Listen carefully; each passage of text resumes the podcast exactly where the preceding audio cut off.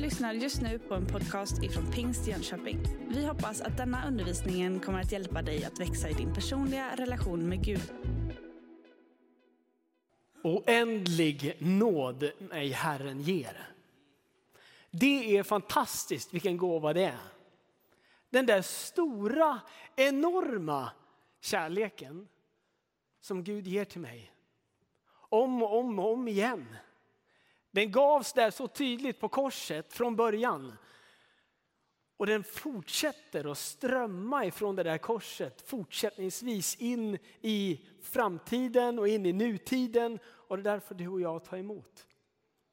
Det är fantastiskt att få vara med på en sån här högtidsgudstjänst. Känner ni det? När det är dop.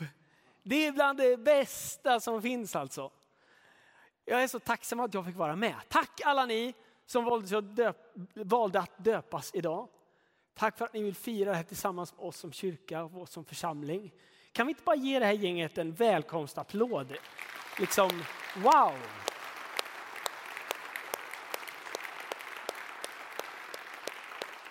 Vi är så tacksamma för er. Och vi ska fortsätta att be för er, för vi hoppas att den här platsen ska få vara en, en, eh, en gemenskap där ni ska få växa i tro. Fortsätta att växa i tro. Hela tiden. Det är någonting som fortsätter över livet, eller hur? Jag vet inte när du känner att du växer i tro, men för mig, för min egen del så är det, det finns några sådana där tillfällen då jag känner att jag fick ta ytterligare ett tydligt steg i att lita på Gud. Det kan vara svåra tider av livet. Det kan vara då det känns, eller då det inte känns så mycket. Alltså ibland så känner man ju inte så mycket och det är det som är det jobbiga. Och ibland så känner man jättemycket och då det, kan, vara, kan det vara det som är det tuffa i livet.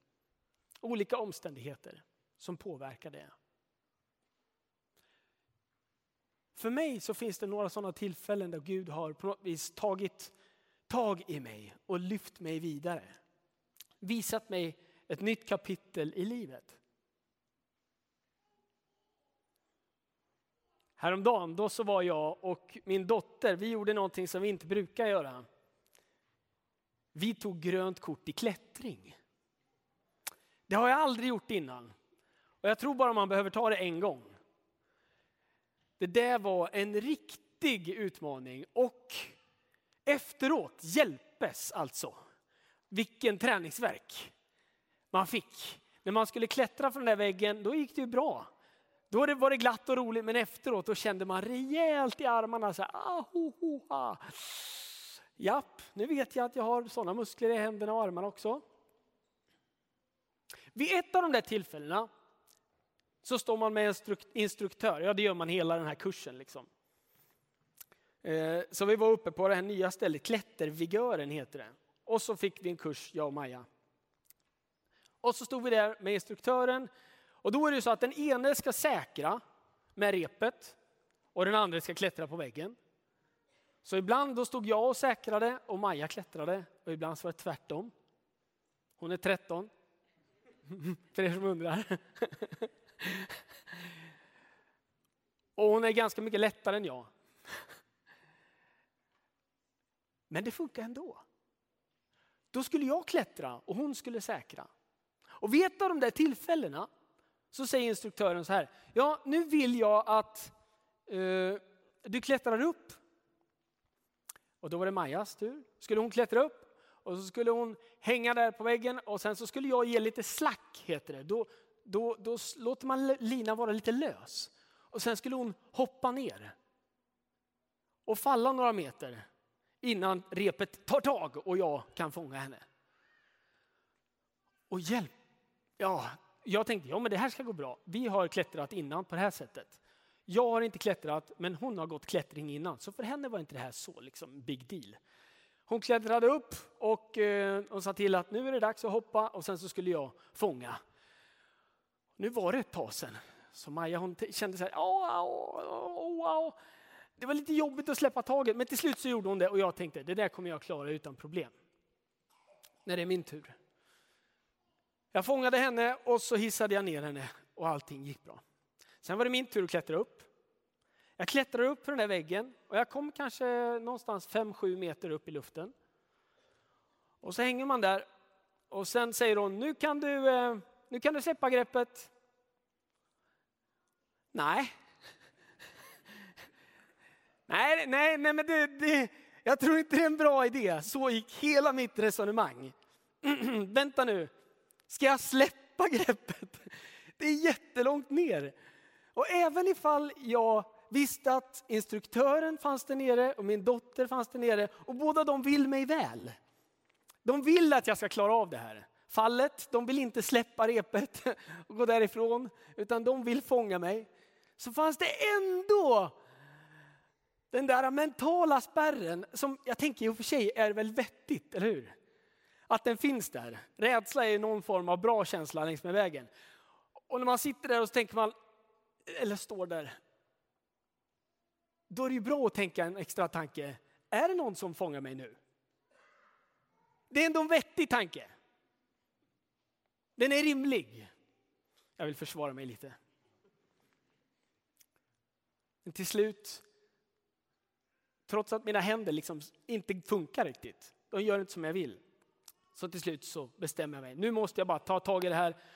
Nu hoppar jag. Har ni mig? Ja, vi har dig, ropar de för tredje gången typ. Du kan vara lugn, vi har dig. du kan släppa. Och så släpper jag. Och så faller jag ett gäng meter ner och jag blir uppfångad. Och det gick ju bra! Alltså jag står ju här idag, jag lever, det känns jätteskönt. Bara yes, det funkade, repet höll, bara wow. Men vilken mental spärr det kan vara att släppa någonting. Att släppa greppet om någonting som jag har kontroll på. Och jag, kan, jag har resonerat lite grann efter den där um, ja, men efter den där stunden.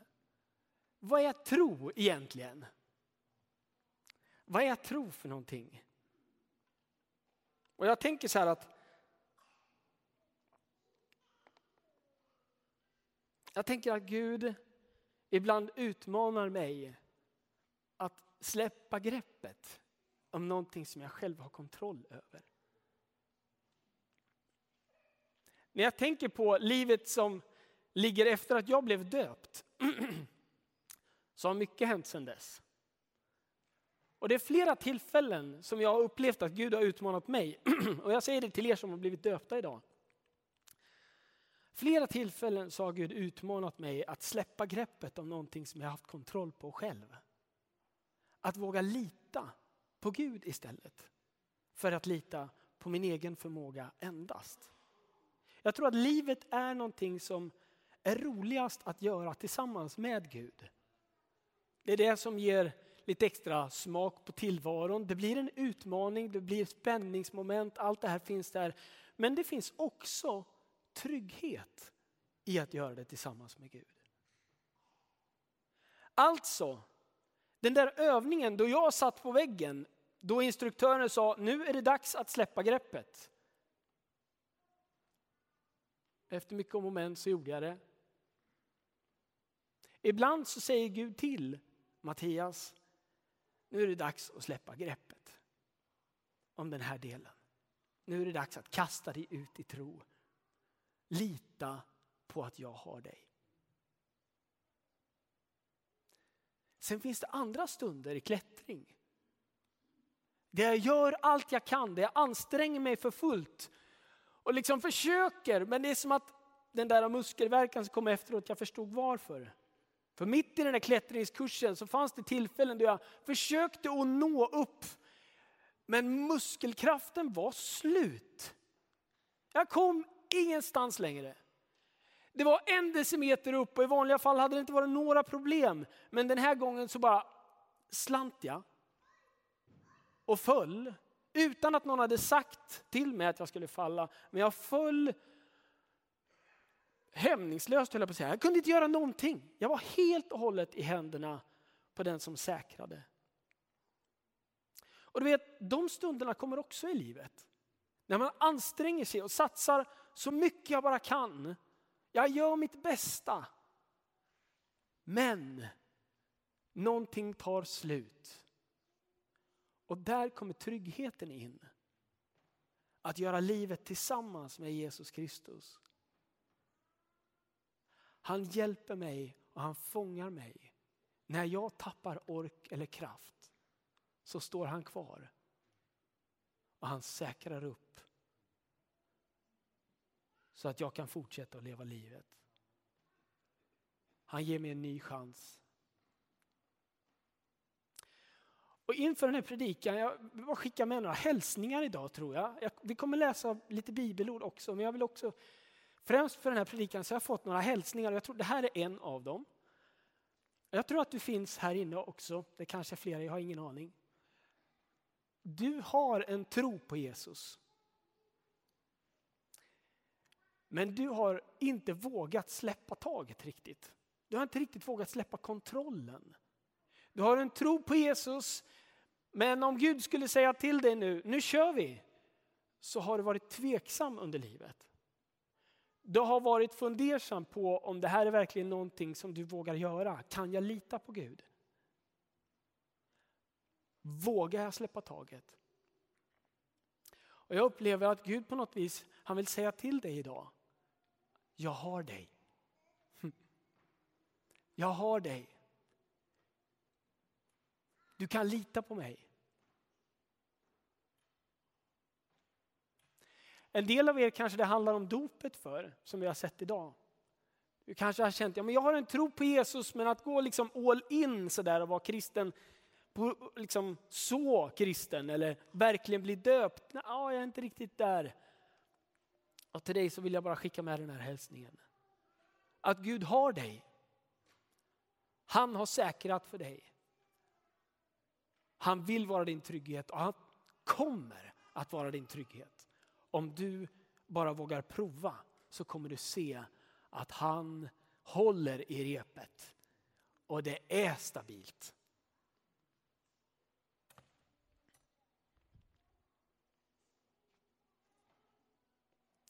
Du vet, hans nåd den är så mycket större än våra misstag. Hans kärlek är så otroligt villkorslös. Det är det som nåd handlar om. En villkorslös kärlek. Där han har bestämt sig för att ge av den om och om och om och om igen. Du och jag vi får ta emot åter och åter och åter av hans stora nåd och kärlek. Jag tror att ibland så kan du och jag liksom diskvalificera oss själva. Vi kanske inte tycker att vi kvalar in riktigt eller att, vi, att han är alldeles för bra för mig. Gud är alldeles för bra för mig. Jag spelar liksom inte i hans liga. Och det är så sant. Du spelar inte i hans liga på det sättet om att du är lika bra som Gud. Och att han är någonting mycket starkare, mer kraftfullt, mer kärleksfullt än vad du och jag någonsin kan vara. Men det diskvalificerar inte dig och mig från att komma till honom. Det diskvalificerar inte heller dig att vara med i en gemenskap full av brustna människor men som ändå har fått hitta Jesus tillsammans. Jag tycker att symbolet av korset är så kraftfull och så tydlig. Ibland så, det är ju liksom det är en hemsk symbol från början som symboliserar död, men för mig symboliserar det liv. För mig är den kraftfullaste symbolen för kärlek.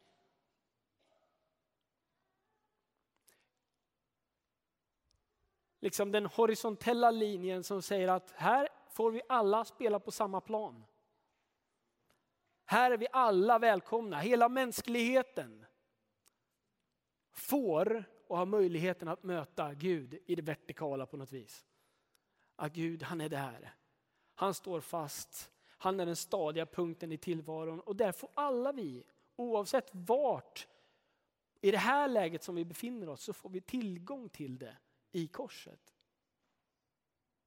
En så kraftfull, stor famn ifrån Gud, full av kärlek.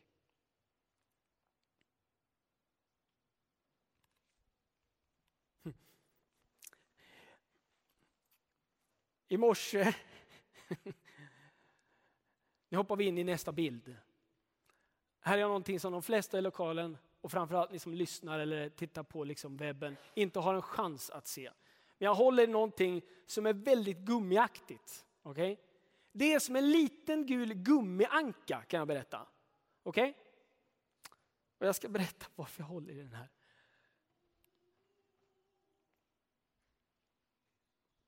Det här är en leksak. Som man kan skjuta iväg.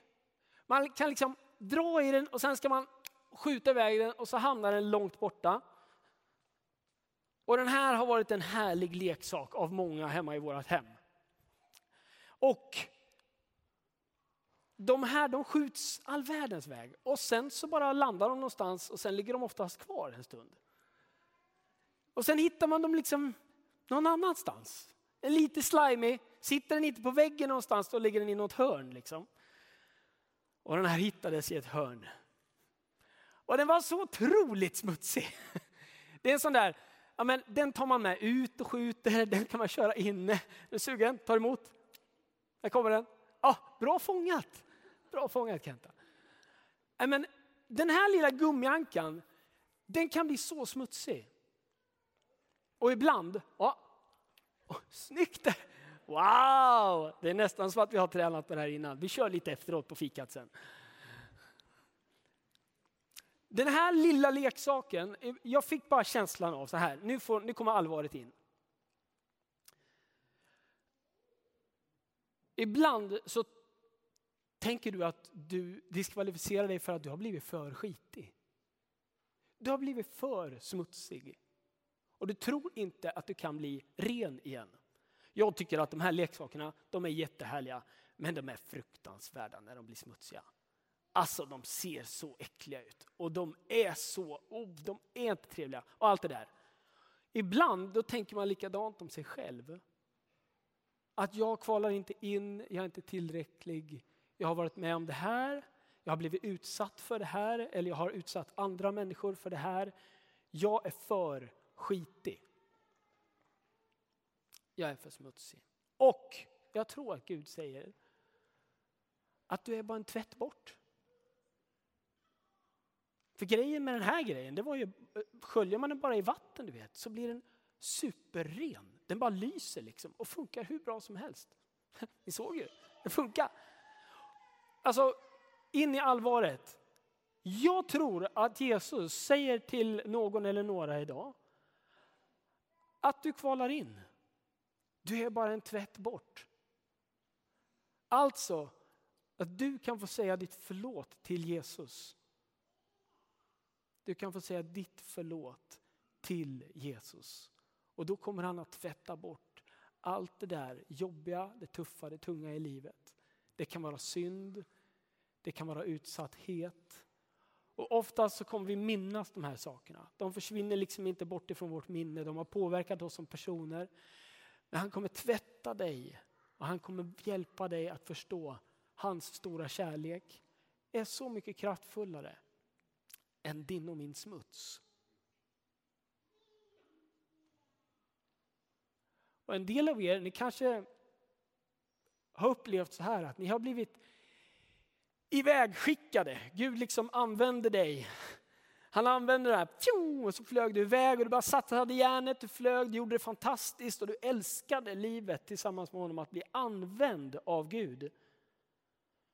Men så någonstans längs med vägen hände någonting och du hamnade i ett hörn.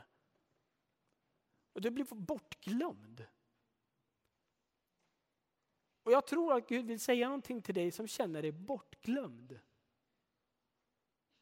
Att han har inte glömt dig. Och idag, den här predikan är liksom ett tecken på det. Det är en hälsning till dig. Och jag blir lite berörd av det här, för jag tror att Gud verkligen menar allvar till dig. Eh, och att han säger att jag har inte glömt dig. Jag älskar dig så mycket. Du är tillräcklig. Du kvalar in, du passar. Min kärlek är större än alla dina misstag, all din utsatthet. Du passar in. Och jag vill fortsätta att använda dig. Så jag tror att någonstans så är det Gud som vill uppmuntra dig och säga kom igen, kom nära mig igen. Kom så får jag ta hand om dig, kom får jag tvätta av dig lite grann. Det kanske har blivit lite bittert, det kanske har blivit lite jobbigt eller bara ledsamt och sorgligt. Vad det nu må vara. Men Gud vill använda dig. Han har bestämt om att du ska få vara med och bära frukt.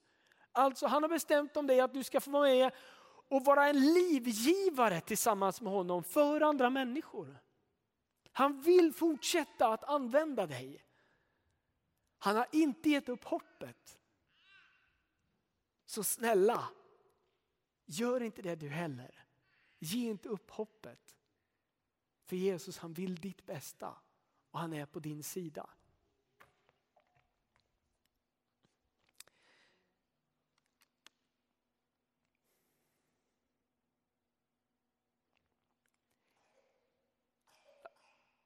Att följa Jesus det är ibland att eh, det är ibland en gigantisk kamp mellan ego och kärlek.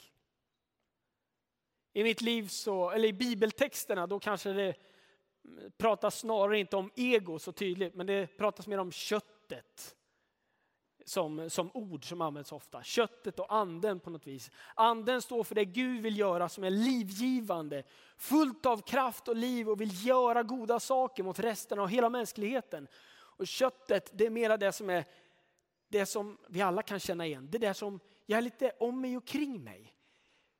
Det är viktigt vad som händer med mig.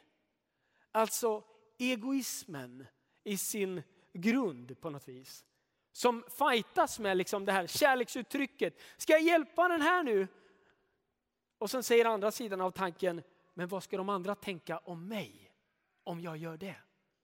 Fokuset blir på mig. Konsekvensen, vilken konsekvens får jag ta? Medan anden säger, jag har dig. Släpp greppet. Lita på mig. Jag fångar dig. Du kommer att vara trygg. Jag utmanar dig. Och jag tror att Jesus idag vill utmana dig och mig att faktiskt ta det där steget i tro. Att gå efter det anden säger till dig. Och en del av er säger så här, ja men det är det jag har bestämt mig för att göra i livet. Jag med.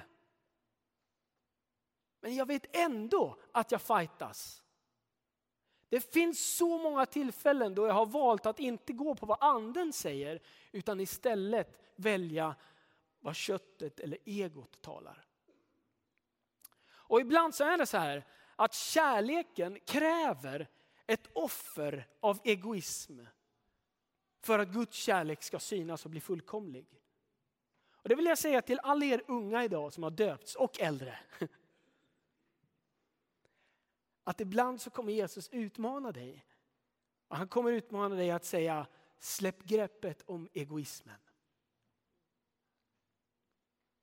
och våga gå på det jag utmanar er till. Han har så mycket guld i er. Han har så mycket fint för era liv i framtiden. Så jag vill bara säga det. Orka om och om igen. Följ det beslut som du har gjort idag. Att sätta Jesus, du är min Herre i mitt liv. Och låt han få ge instruktioner eller direktiv för livet. Du kommer bli lyckligare. Det går inte att bli lyckligare än att följa Kristus. Så jag vill bara peppa dig idag. Gör vad du kan för att fortsätta att på något vis avstå ifrån egoismen och istället ge av kärlek till andra människor. Jag tror att det där är en utmaning som gäller oss alla. Det är en utmaning som gäller både dig och mig. En del är man medveten om, andra är man omedveten om. Romarbrevet kapitel 12 och vers 1-2 säger så här. Romarbrevet 12 och 1-2. Därför uppmanar jag er bröder vid Guds barmhärtighet att frambära era kroppar som ett levande och heligt offer som behagar Gud, er andliga gudstjänst. Och anpassa er inte efter den här världen, Utan låt er förvandlas genom sinnets förny genom förnyelsen av ert sinne så att ni kan pröva vad som är Guds vilja. Det som är gott och fullkomligt och behagar honom. Anpassa er inte efter den här världen. Här finns det en utmaning, för den här världen, i dess betydelse så kan det liksom handla om tidsålder eller den här världens program eller den här världens schema. Alltså det som händer återupprepade gånger. Och jag vet ju hur jag behöver fightas med vad är det som får sätta mina prioriteringar? Är det Jesus Kristus som sätter dem? Är det han som är min Herre? Idag så har ni liksom tagit på er tröja där det står Jesus är min Herre och det säger vi som kristna. Jesus, du är min Herre. Utmaningen blir att ställa frågan, är det han som får sätta prioriteringarna för mitt liv?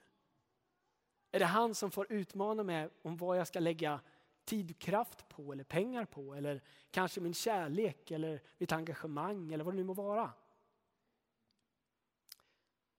Vad är det som bestämmer delarna i livspusslet till exempel? Det berömda.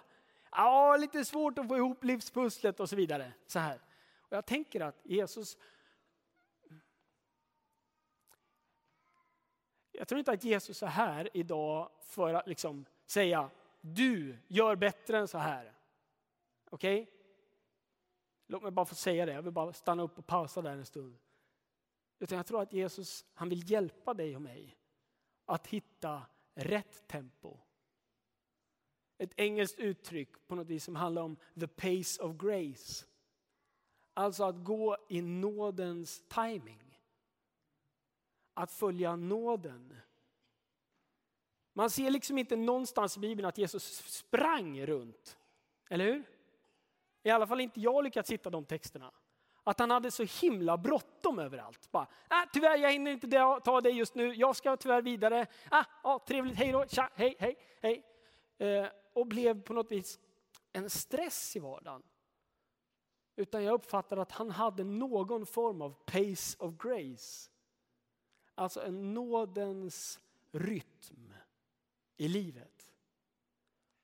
Och det där kan utmana mig. Jesus, Hjälp mig att hitta den. The pace of grace. Hjälp mig med det Jesus. Jag tror att han är här för att säga någonting om att han vill hjälpa oss att hitta rätt prioriteringar i livet. Och ett av de sätten det är att fortsätta att fira gudstjänst.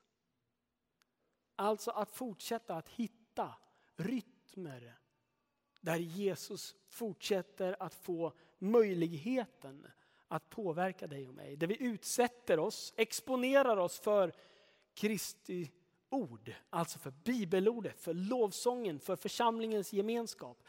Allt där, där händer någonting.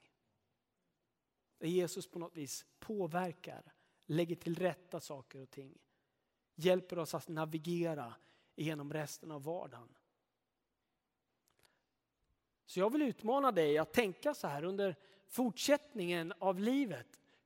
Hur ofta är du med och firar gudstjänst till exempel? Hur ofta är det en, så här, det här är min veckovana. Eller ja, någon gång i månaden brukar jag gå eller kanske ett par gånger i månaden eller någonting. Vad är den vana som du tror att Gud liksom vill hjälpa dig att hitta? För att hitta en pace of grace. Jag tror inte att kyrkan och gudstjänsten ska vara liksom någonting som stressar eller pressar. Jag tror att det ska vara ett depåstopp. Jag tror att det ska vara någon form av checkpoint. Eh, jag och Gud. Vart, vad säger vi nu Jesus? Vad är det du vill säga till mig? Där man återkommande utsätter sig själv för att ta emot av vad Gud har att säga. Kanske att Gud utmanar dig på något vis i det här. Nu ska vi läsa några bibelord hörni. Eh, vi ska börja, eller så här, avslutningsvis, så ska vi läsa några bibelord. Från andra Korintierbrevet kapitel 5 och vers 17. Där står det så här. Om någon är i Kristus är han alltså en ny skapelse. Det gamla är förbi och något nytt har kommit. Om någon är i Kristus är han alltså en ny skapelse.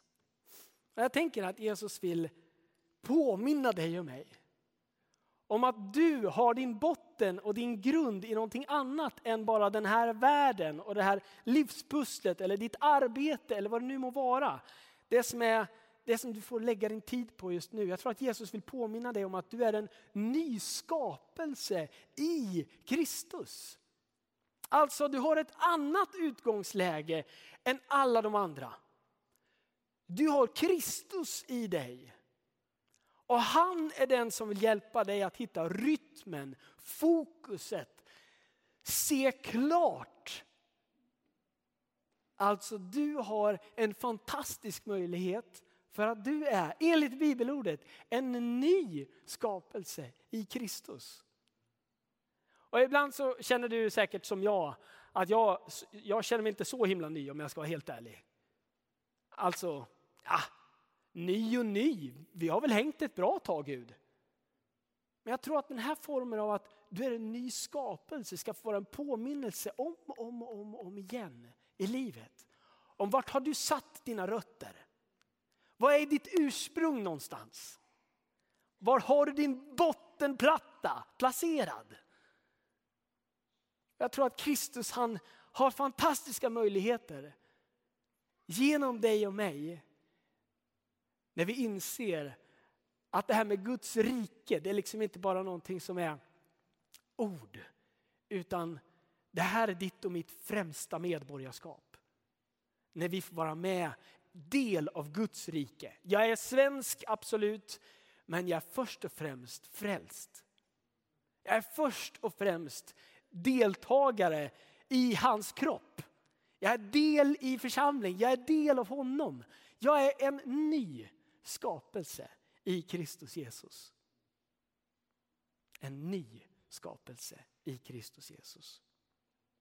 Och självklart så har vi den här fighten eh, att, att, ah, att jobba med. Och Paulus han sätter också ord på det här som vi kan ha igenkänning för i Romarbrevet kapitel 7 och vers 19.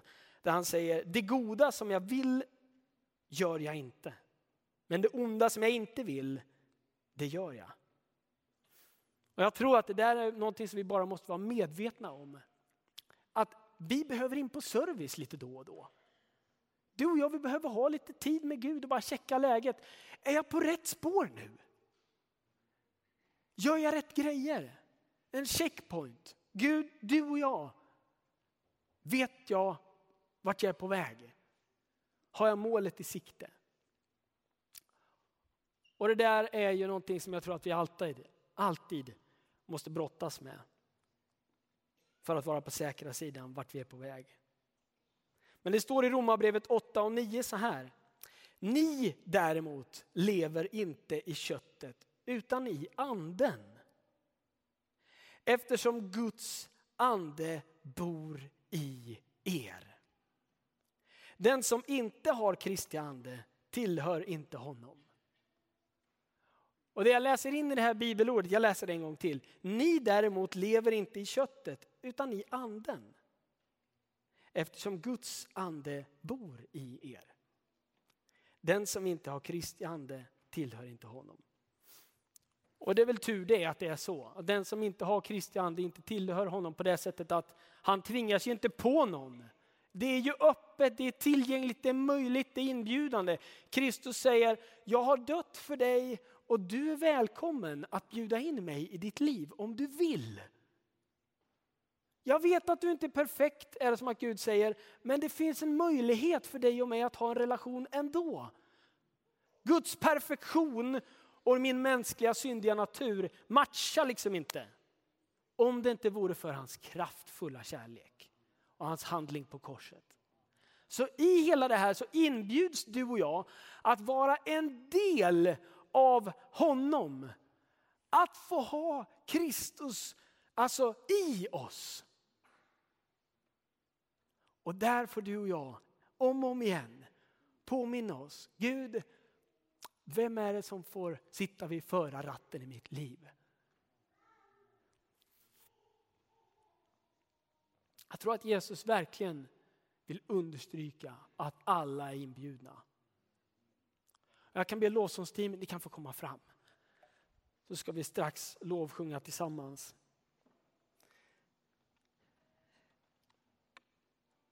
Jag upplever två spår i, i gudstjänsten, eller i den här undervisningen idag. Och det ena det är ett spår som säger full nåd för dig. Full nåd och frälsning är tillgängligt för dig. Hans stora kärlek säger välkommen in i min famn. Jag har dig. Om du hoppar så fångar jag. Om du slinter så fångar jag. Tryggheten står Gud för och inbjudan är tydlig. Du får om du vill lita på instruktören på något vis. Livgivaren av livet som säger du kan släppa greppet om väggen nu där du sitter. Välkommen, jag har dig. Slinter du så har jag dig. Full nåd. Du är inbjuden. Oavsett om du känner dig som den där smutsiga gummiankan liksom. I närheten av Gud. vad har jag att komma med egentligen? Ingenting. Men Gud han ser dig på ett helt annat sätt. Han älskar dig så mycket. Och han tycker att du passar perfekt. Det här är inte en rätt bild av dig. Det som är din bakgrund är inte rätt bild av dig. Han har något annat i tanken för din framtid. Och han vill inbjuda dig till det. Så full nåd och inbjudan i ena delen. Och den andra delen, det är utmaningen. Att våga låta honom vara Herren i ditt liv. Att återigen reflektera över Jesus, hur vill du använda mig? Hur vill du använda mig? Jag tror att Jesus skickar en tydlig utmaning till några. Att det är dags igen. Det är dags igen. Du och jag, vi har ett äventyr framför oss. Är det som att det är den tanken jag tänker på, att Gud kanske vill skicka med till dig. Du och jag, vi har ett äventyr framför oss. Och du passar in. Du matchar. Min kärlek är tillräckligt stor. Du har just lyssnat på en podcast ifrån Pingst Jönköping. För att få reda på mer om vilka vi är och vad som händer i vår kyrka så kan du gå in på pingstjonkoping.se eller följa oss på sociala medier via pingstjkpg.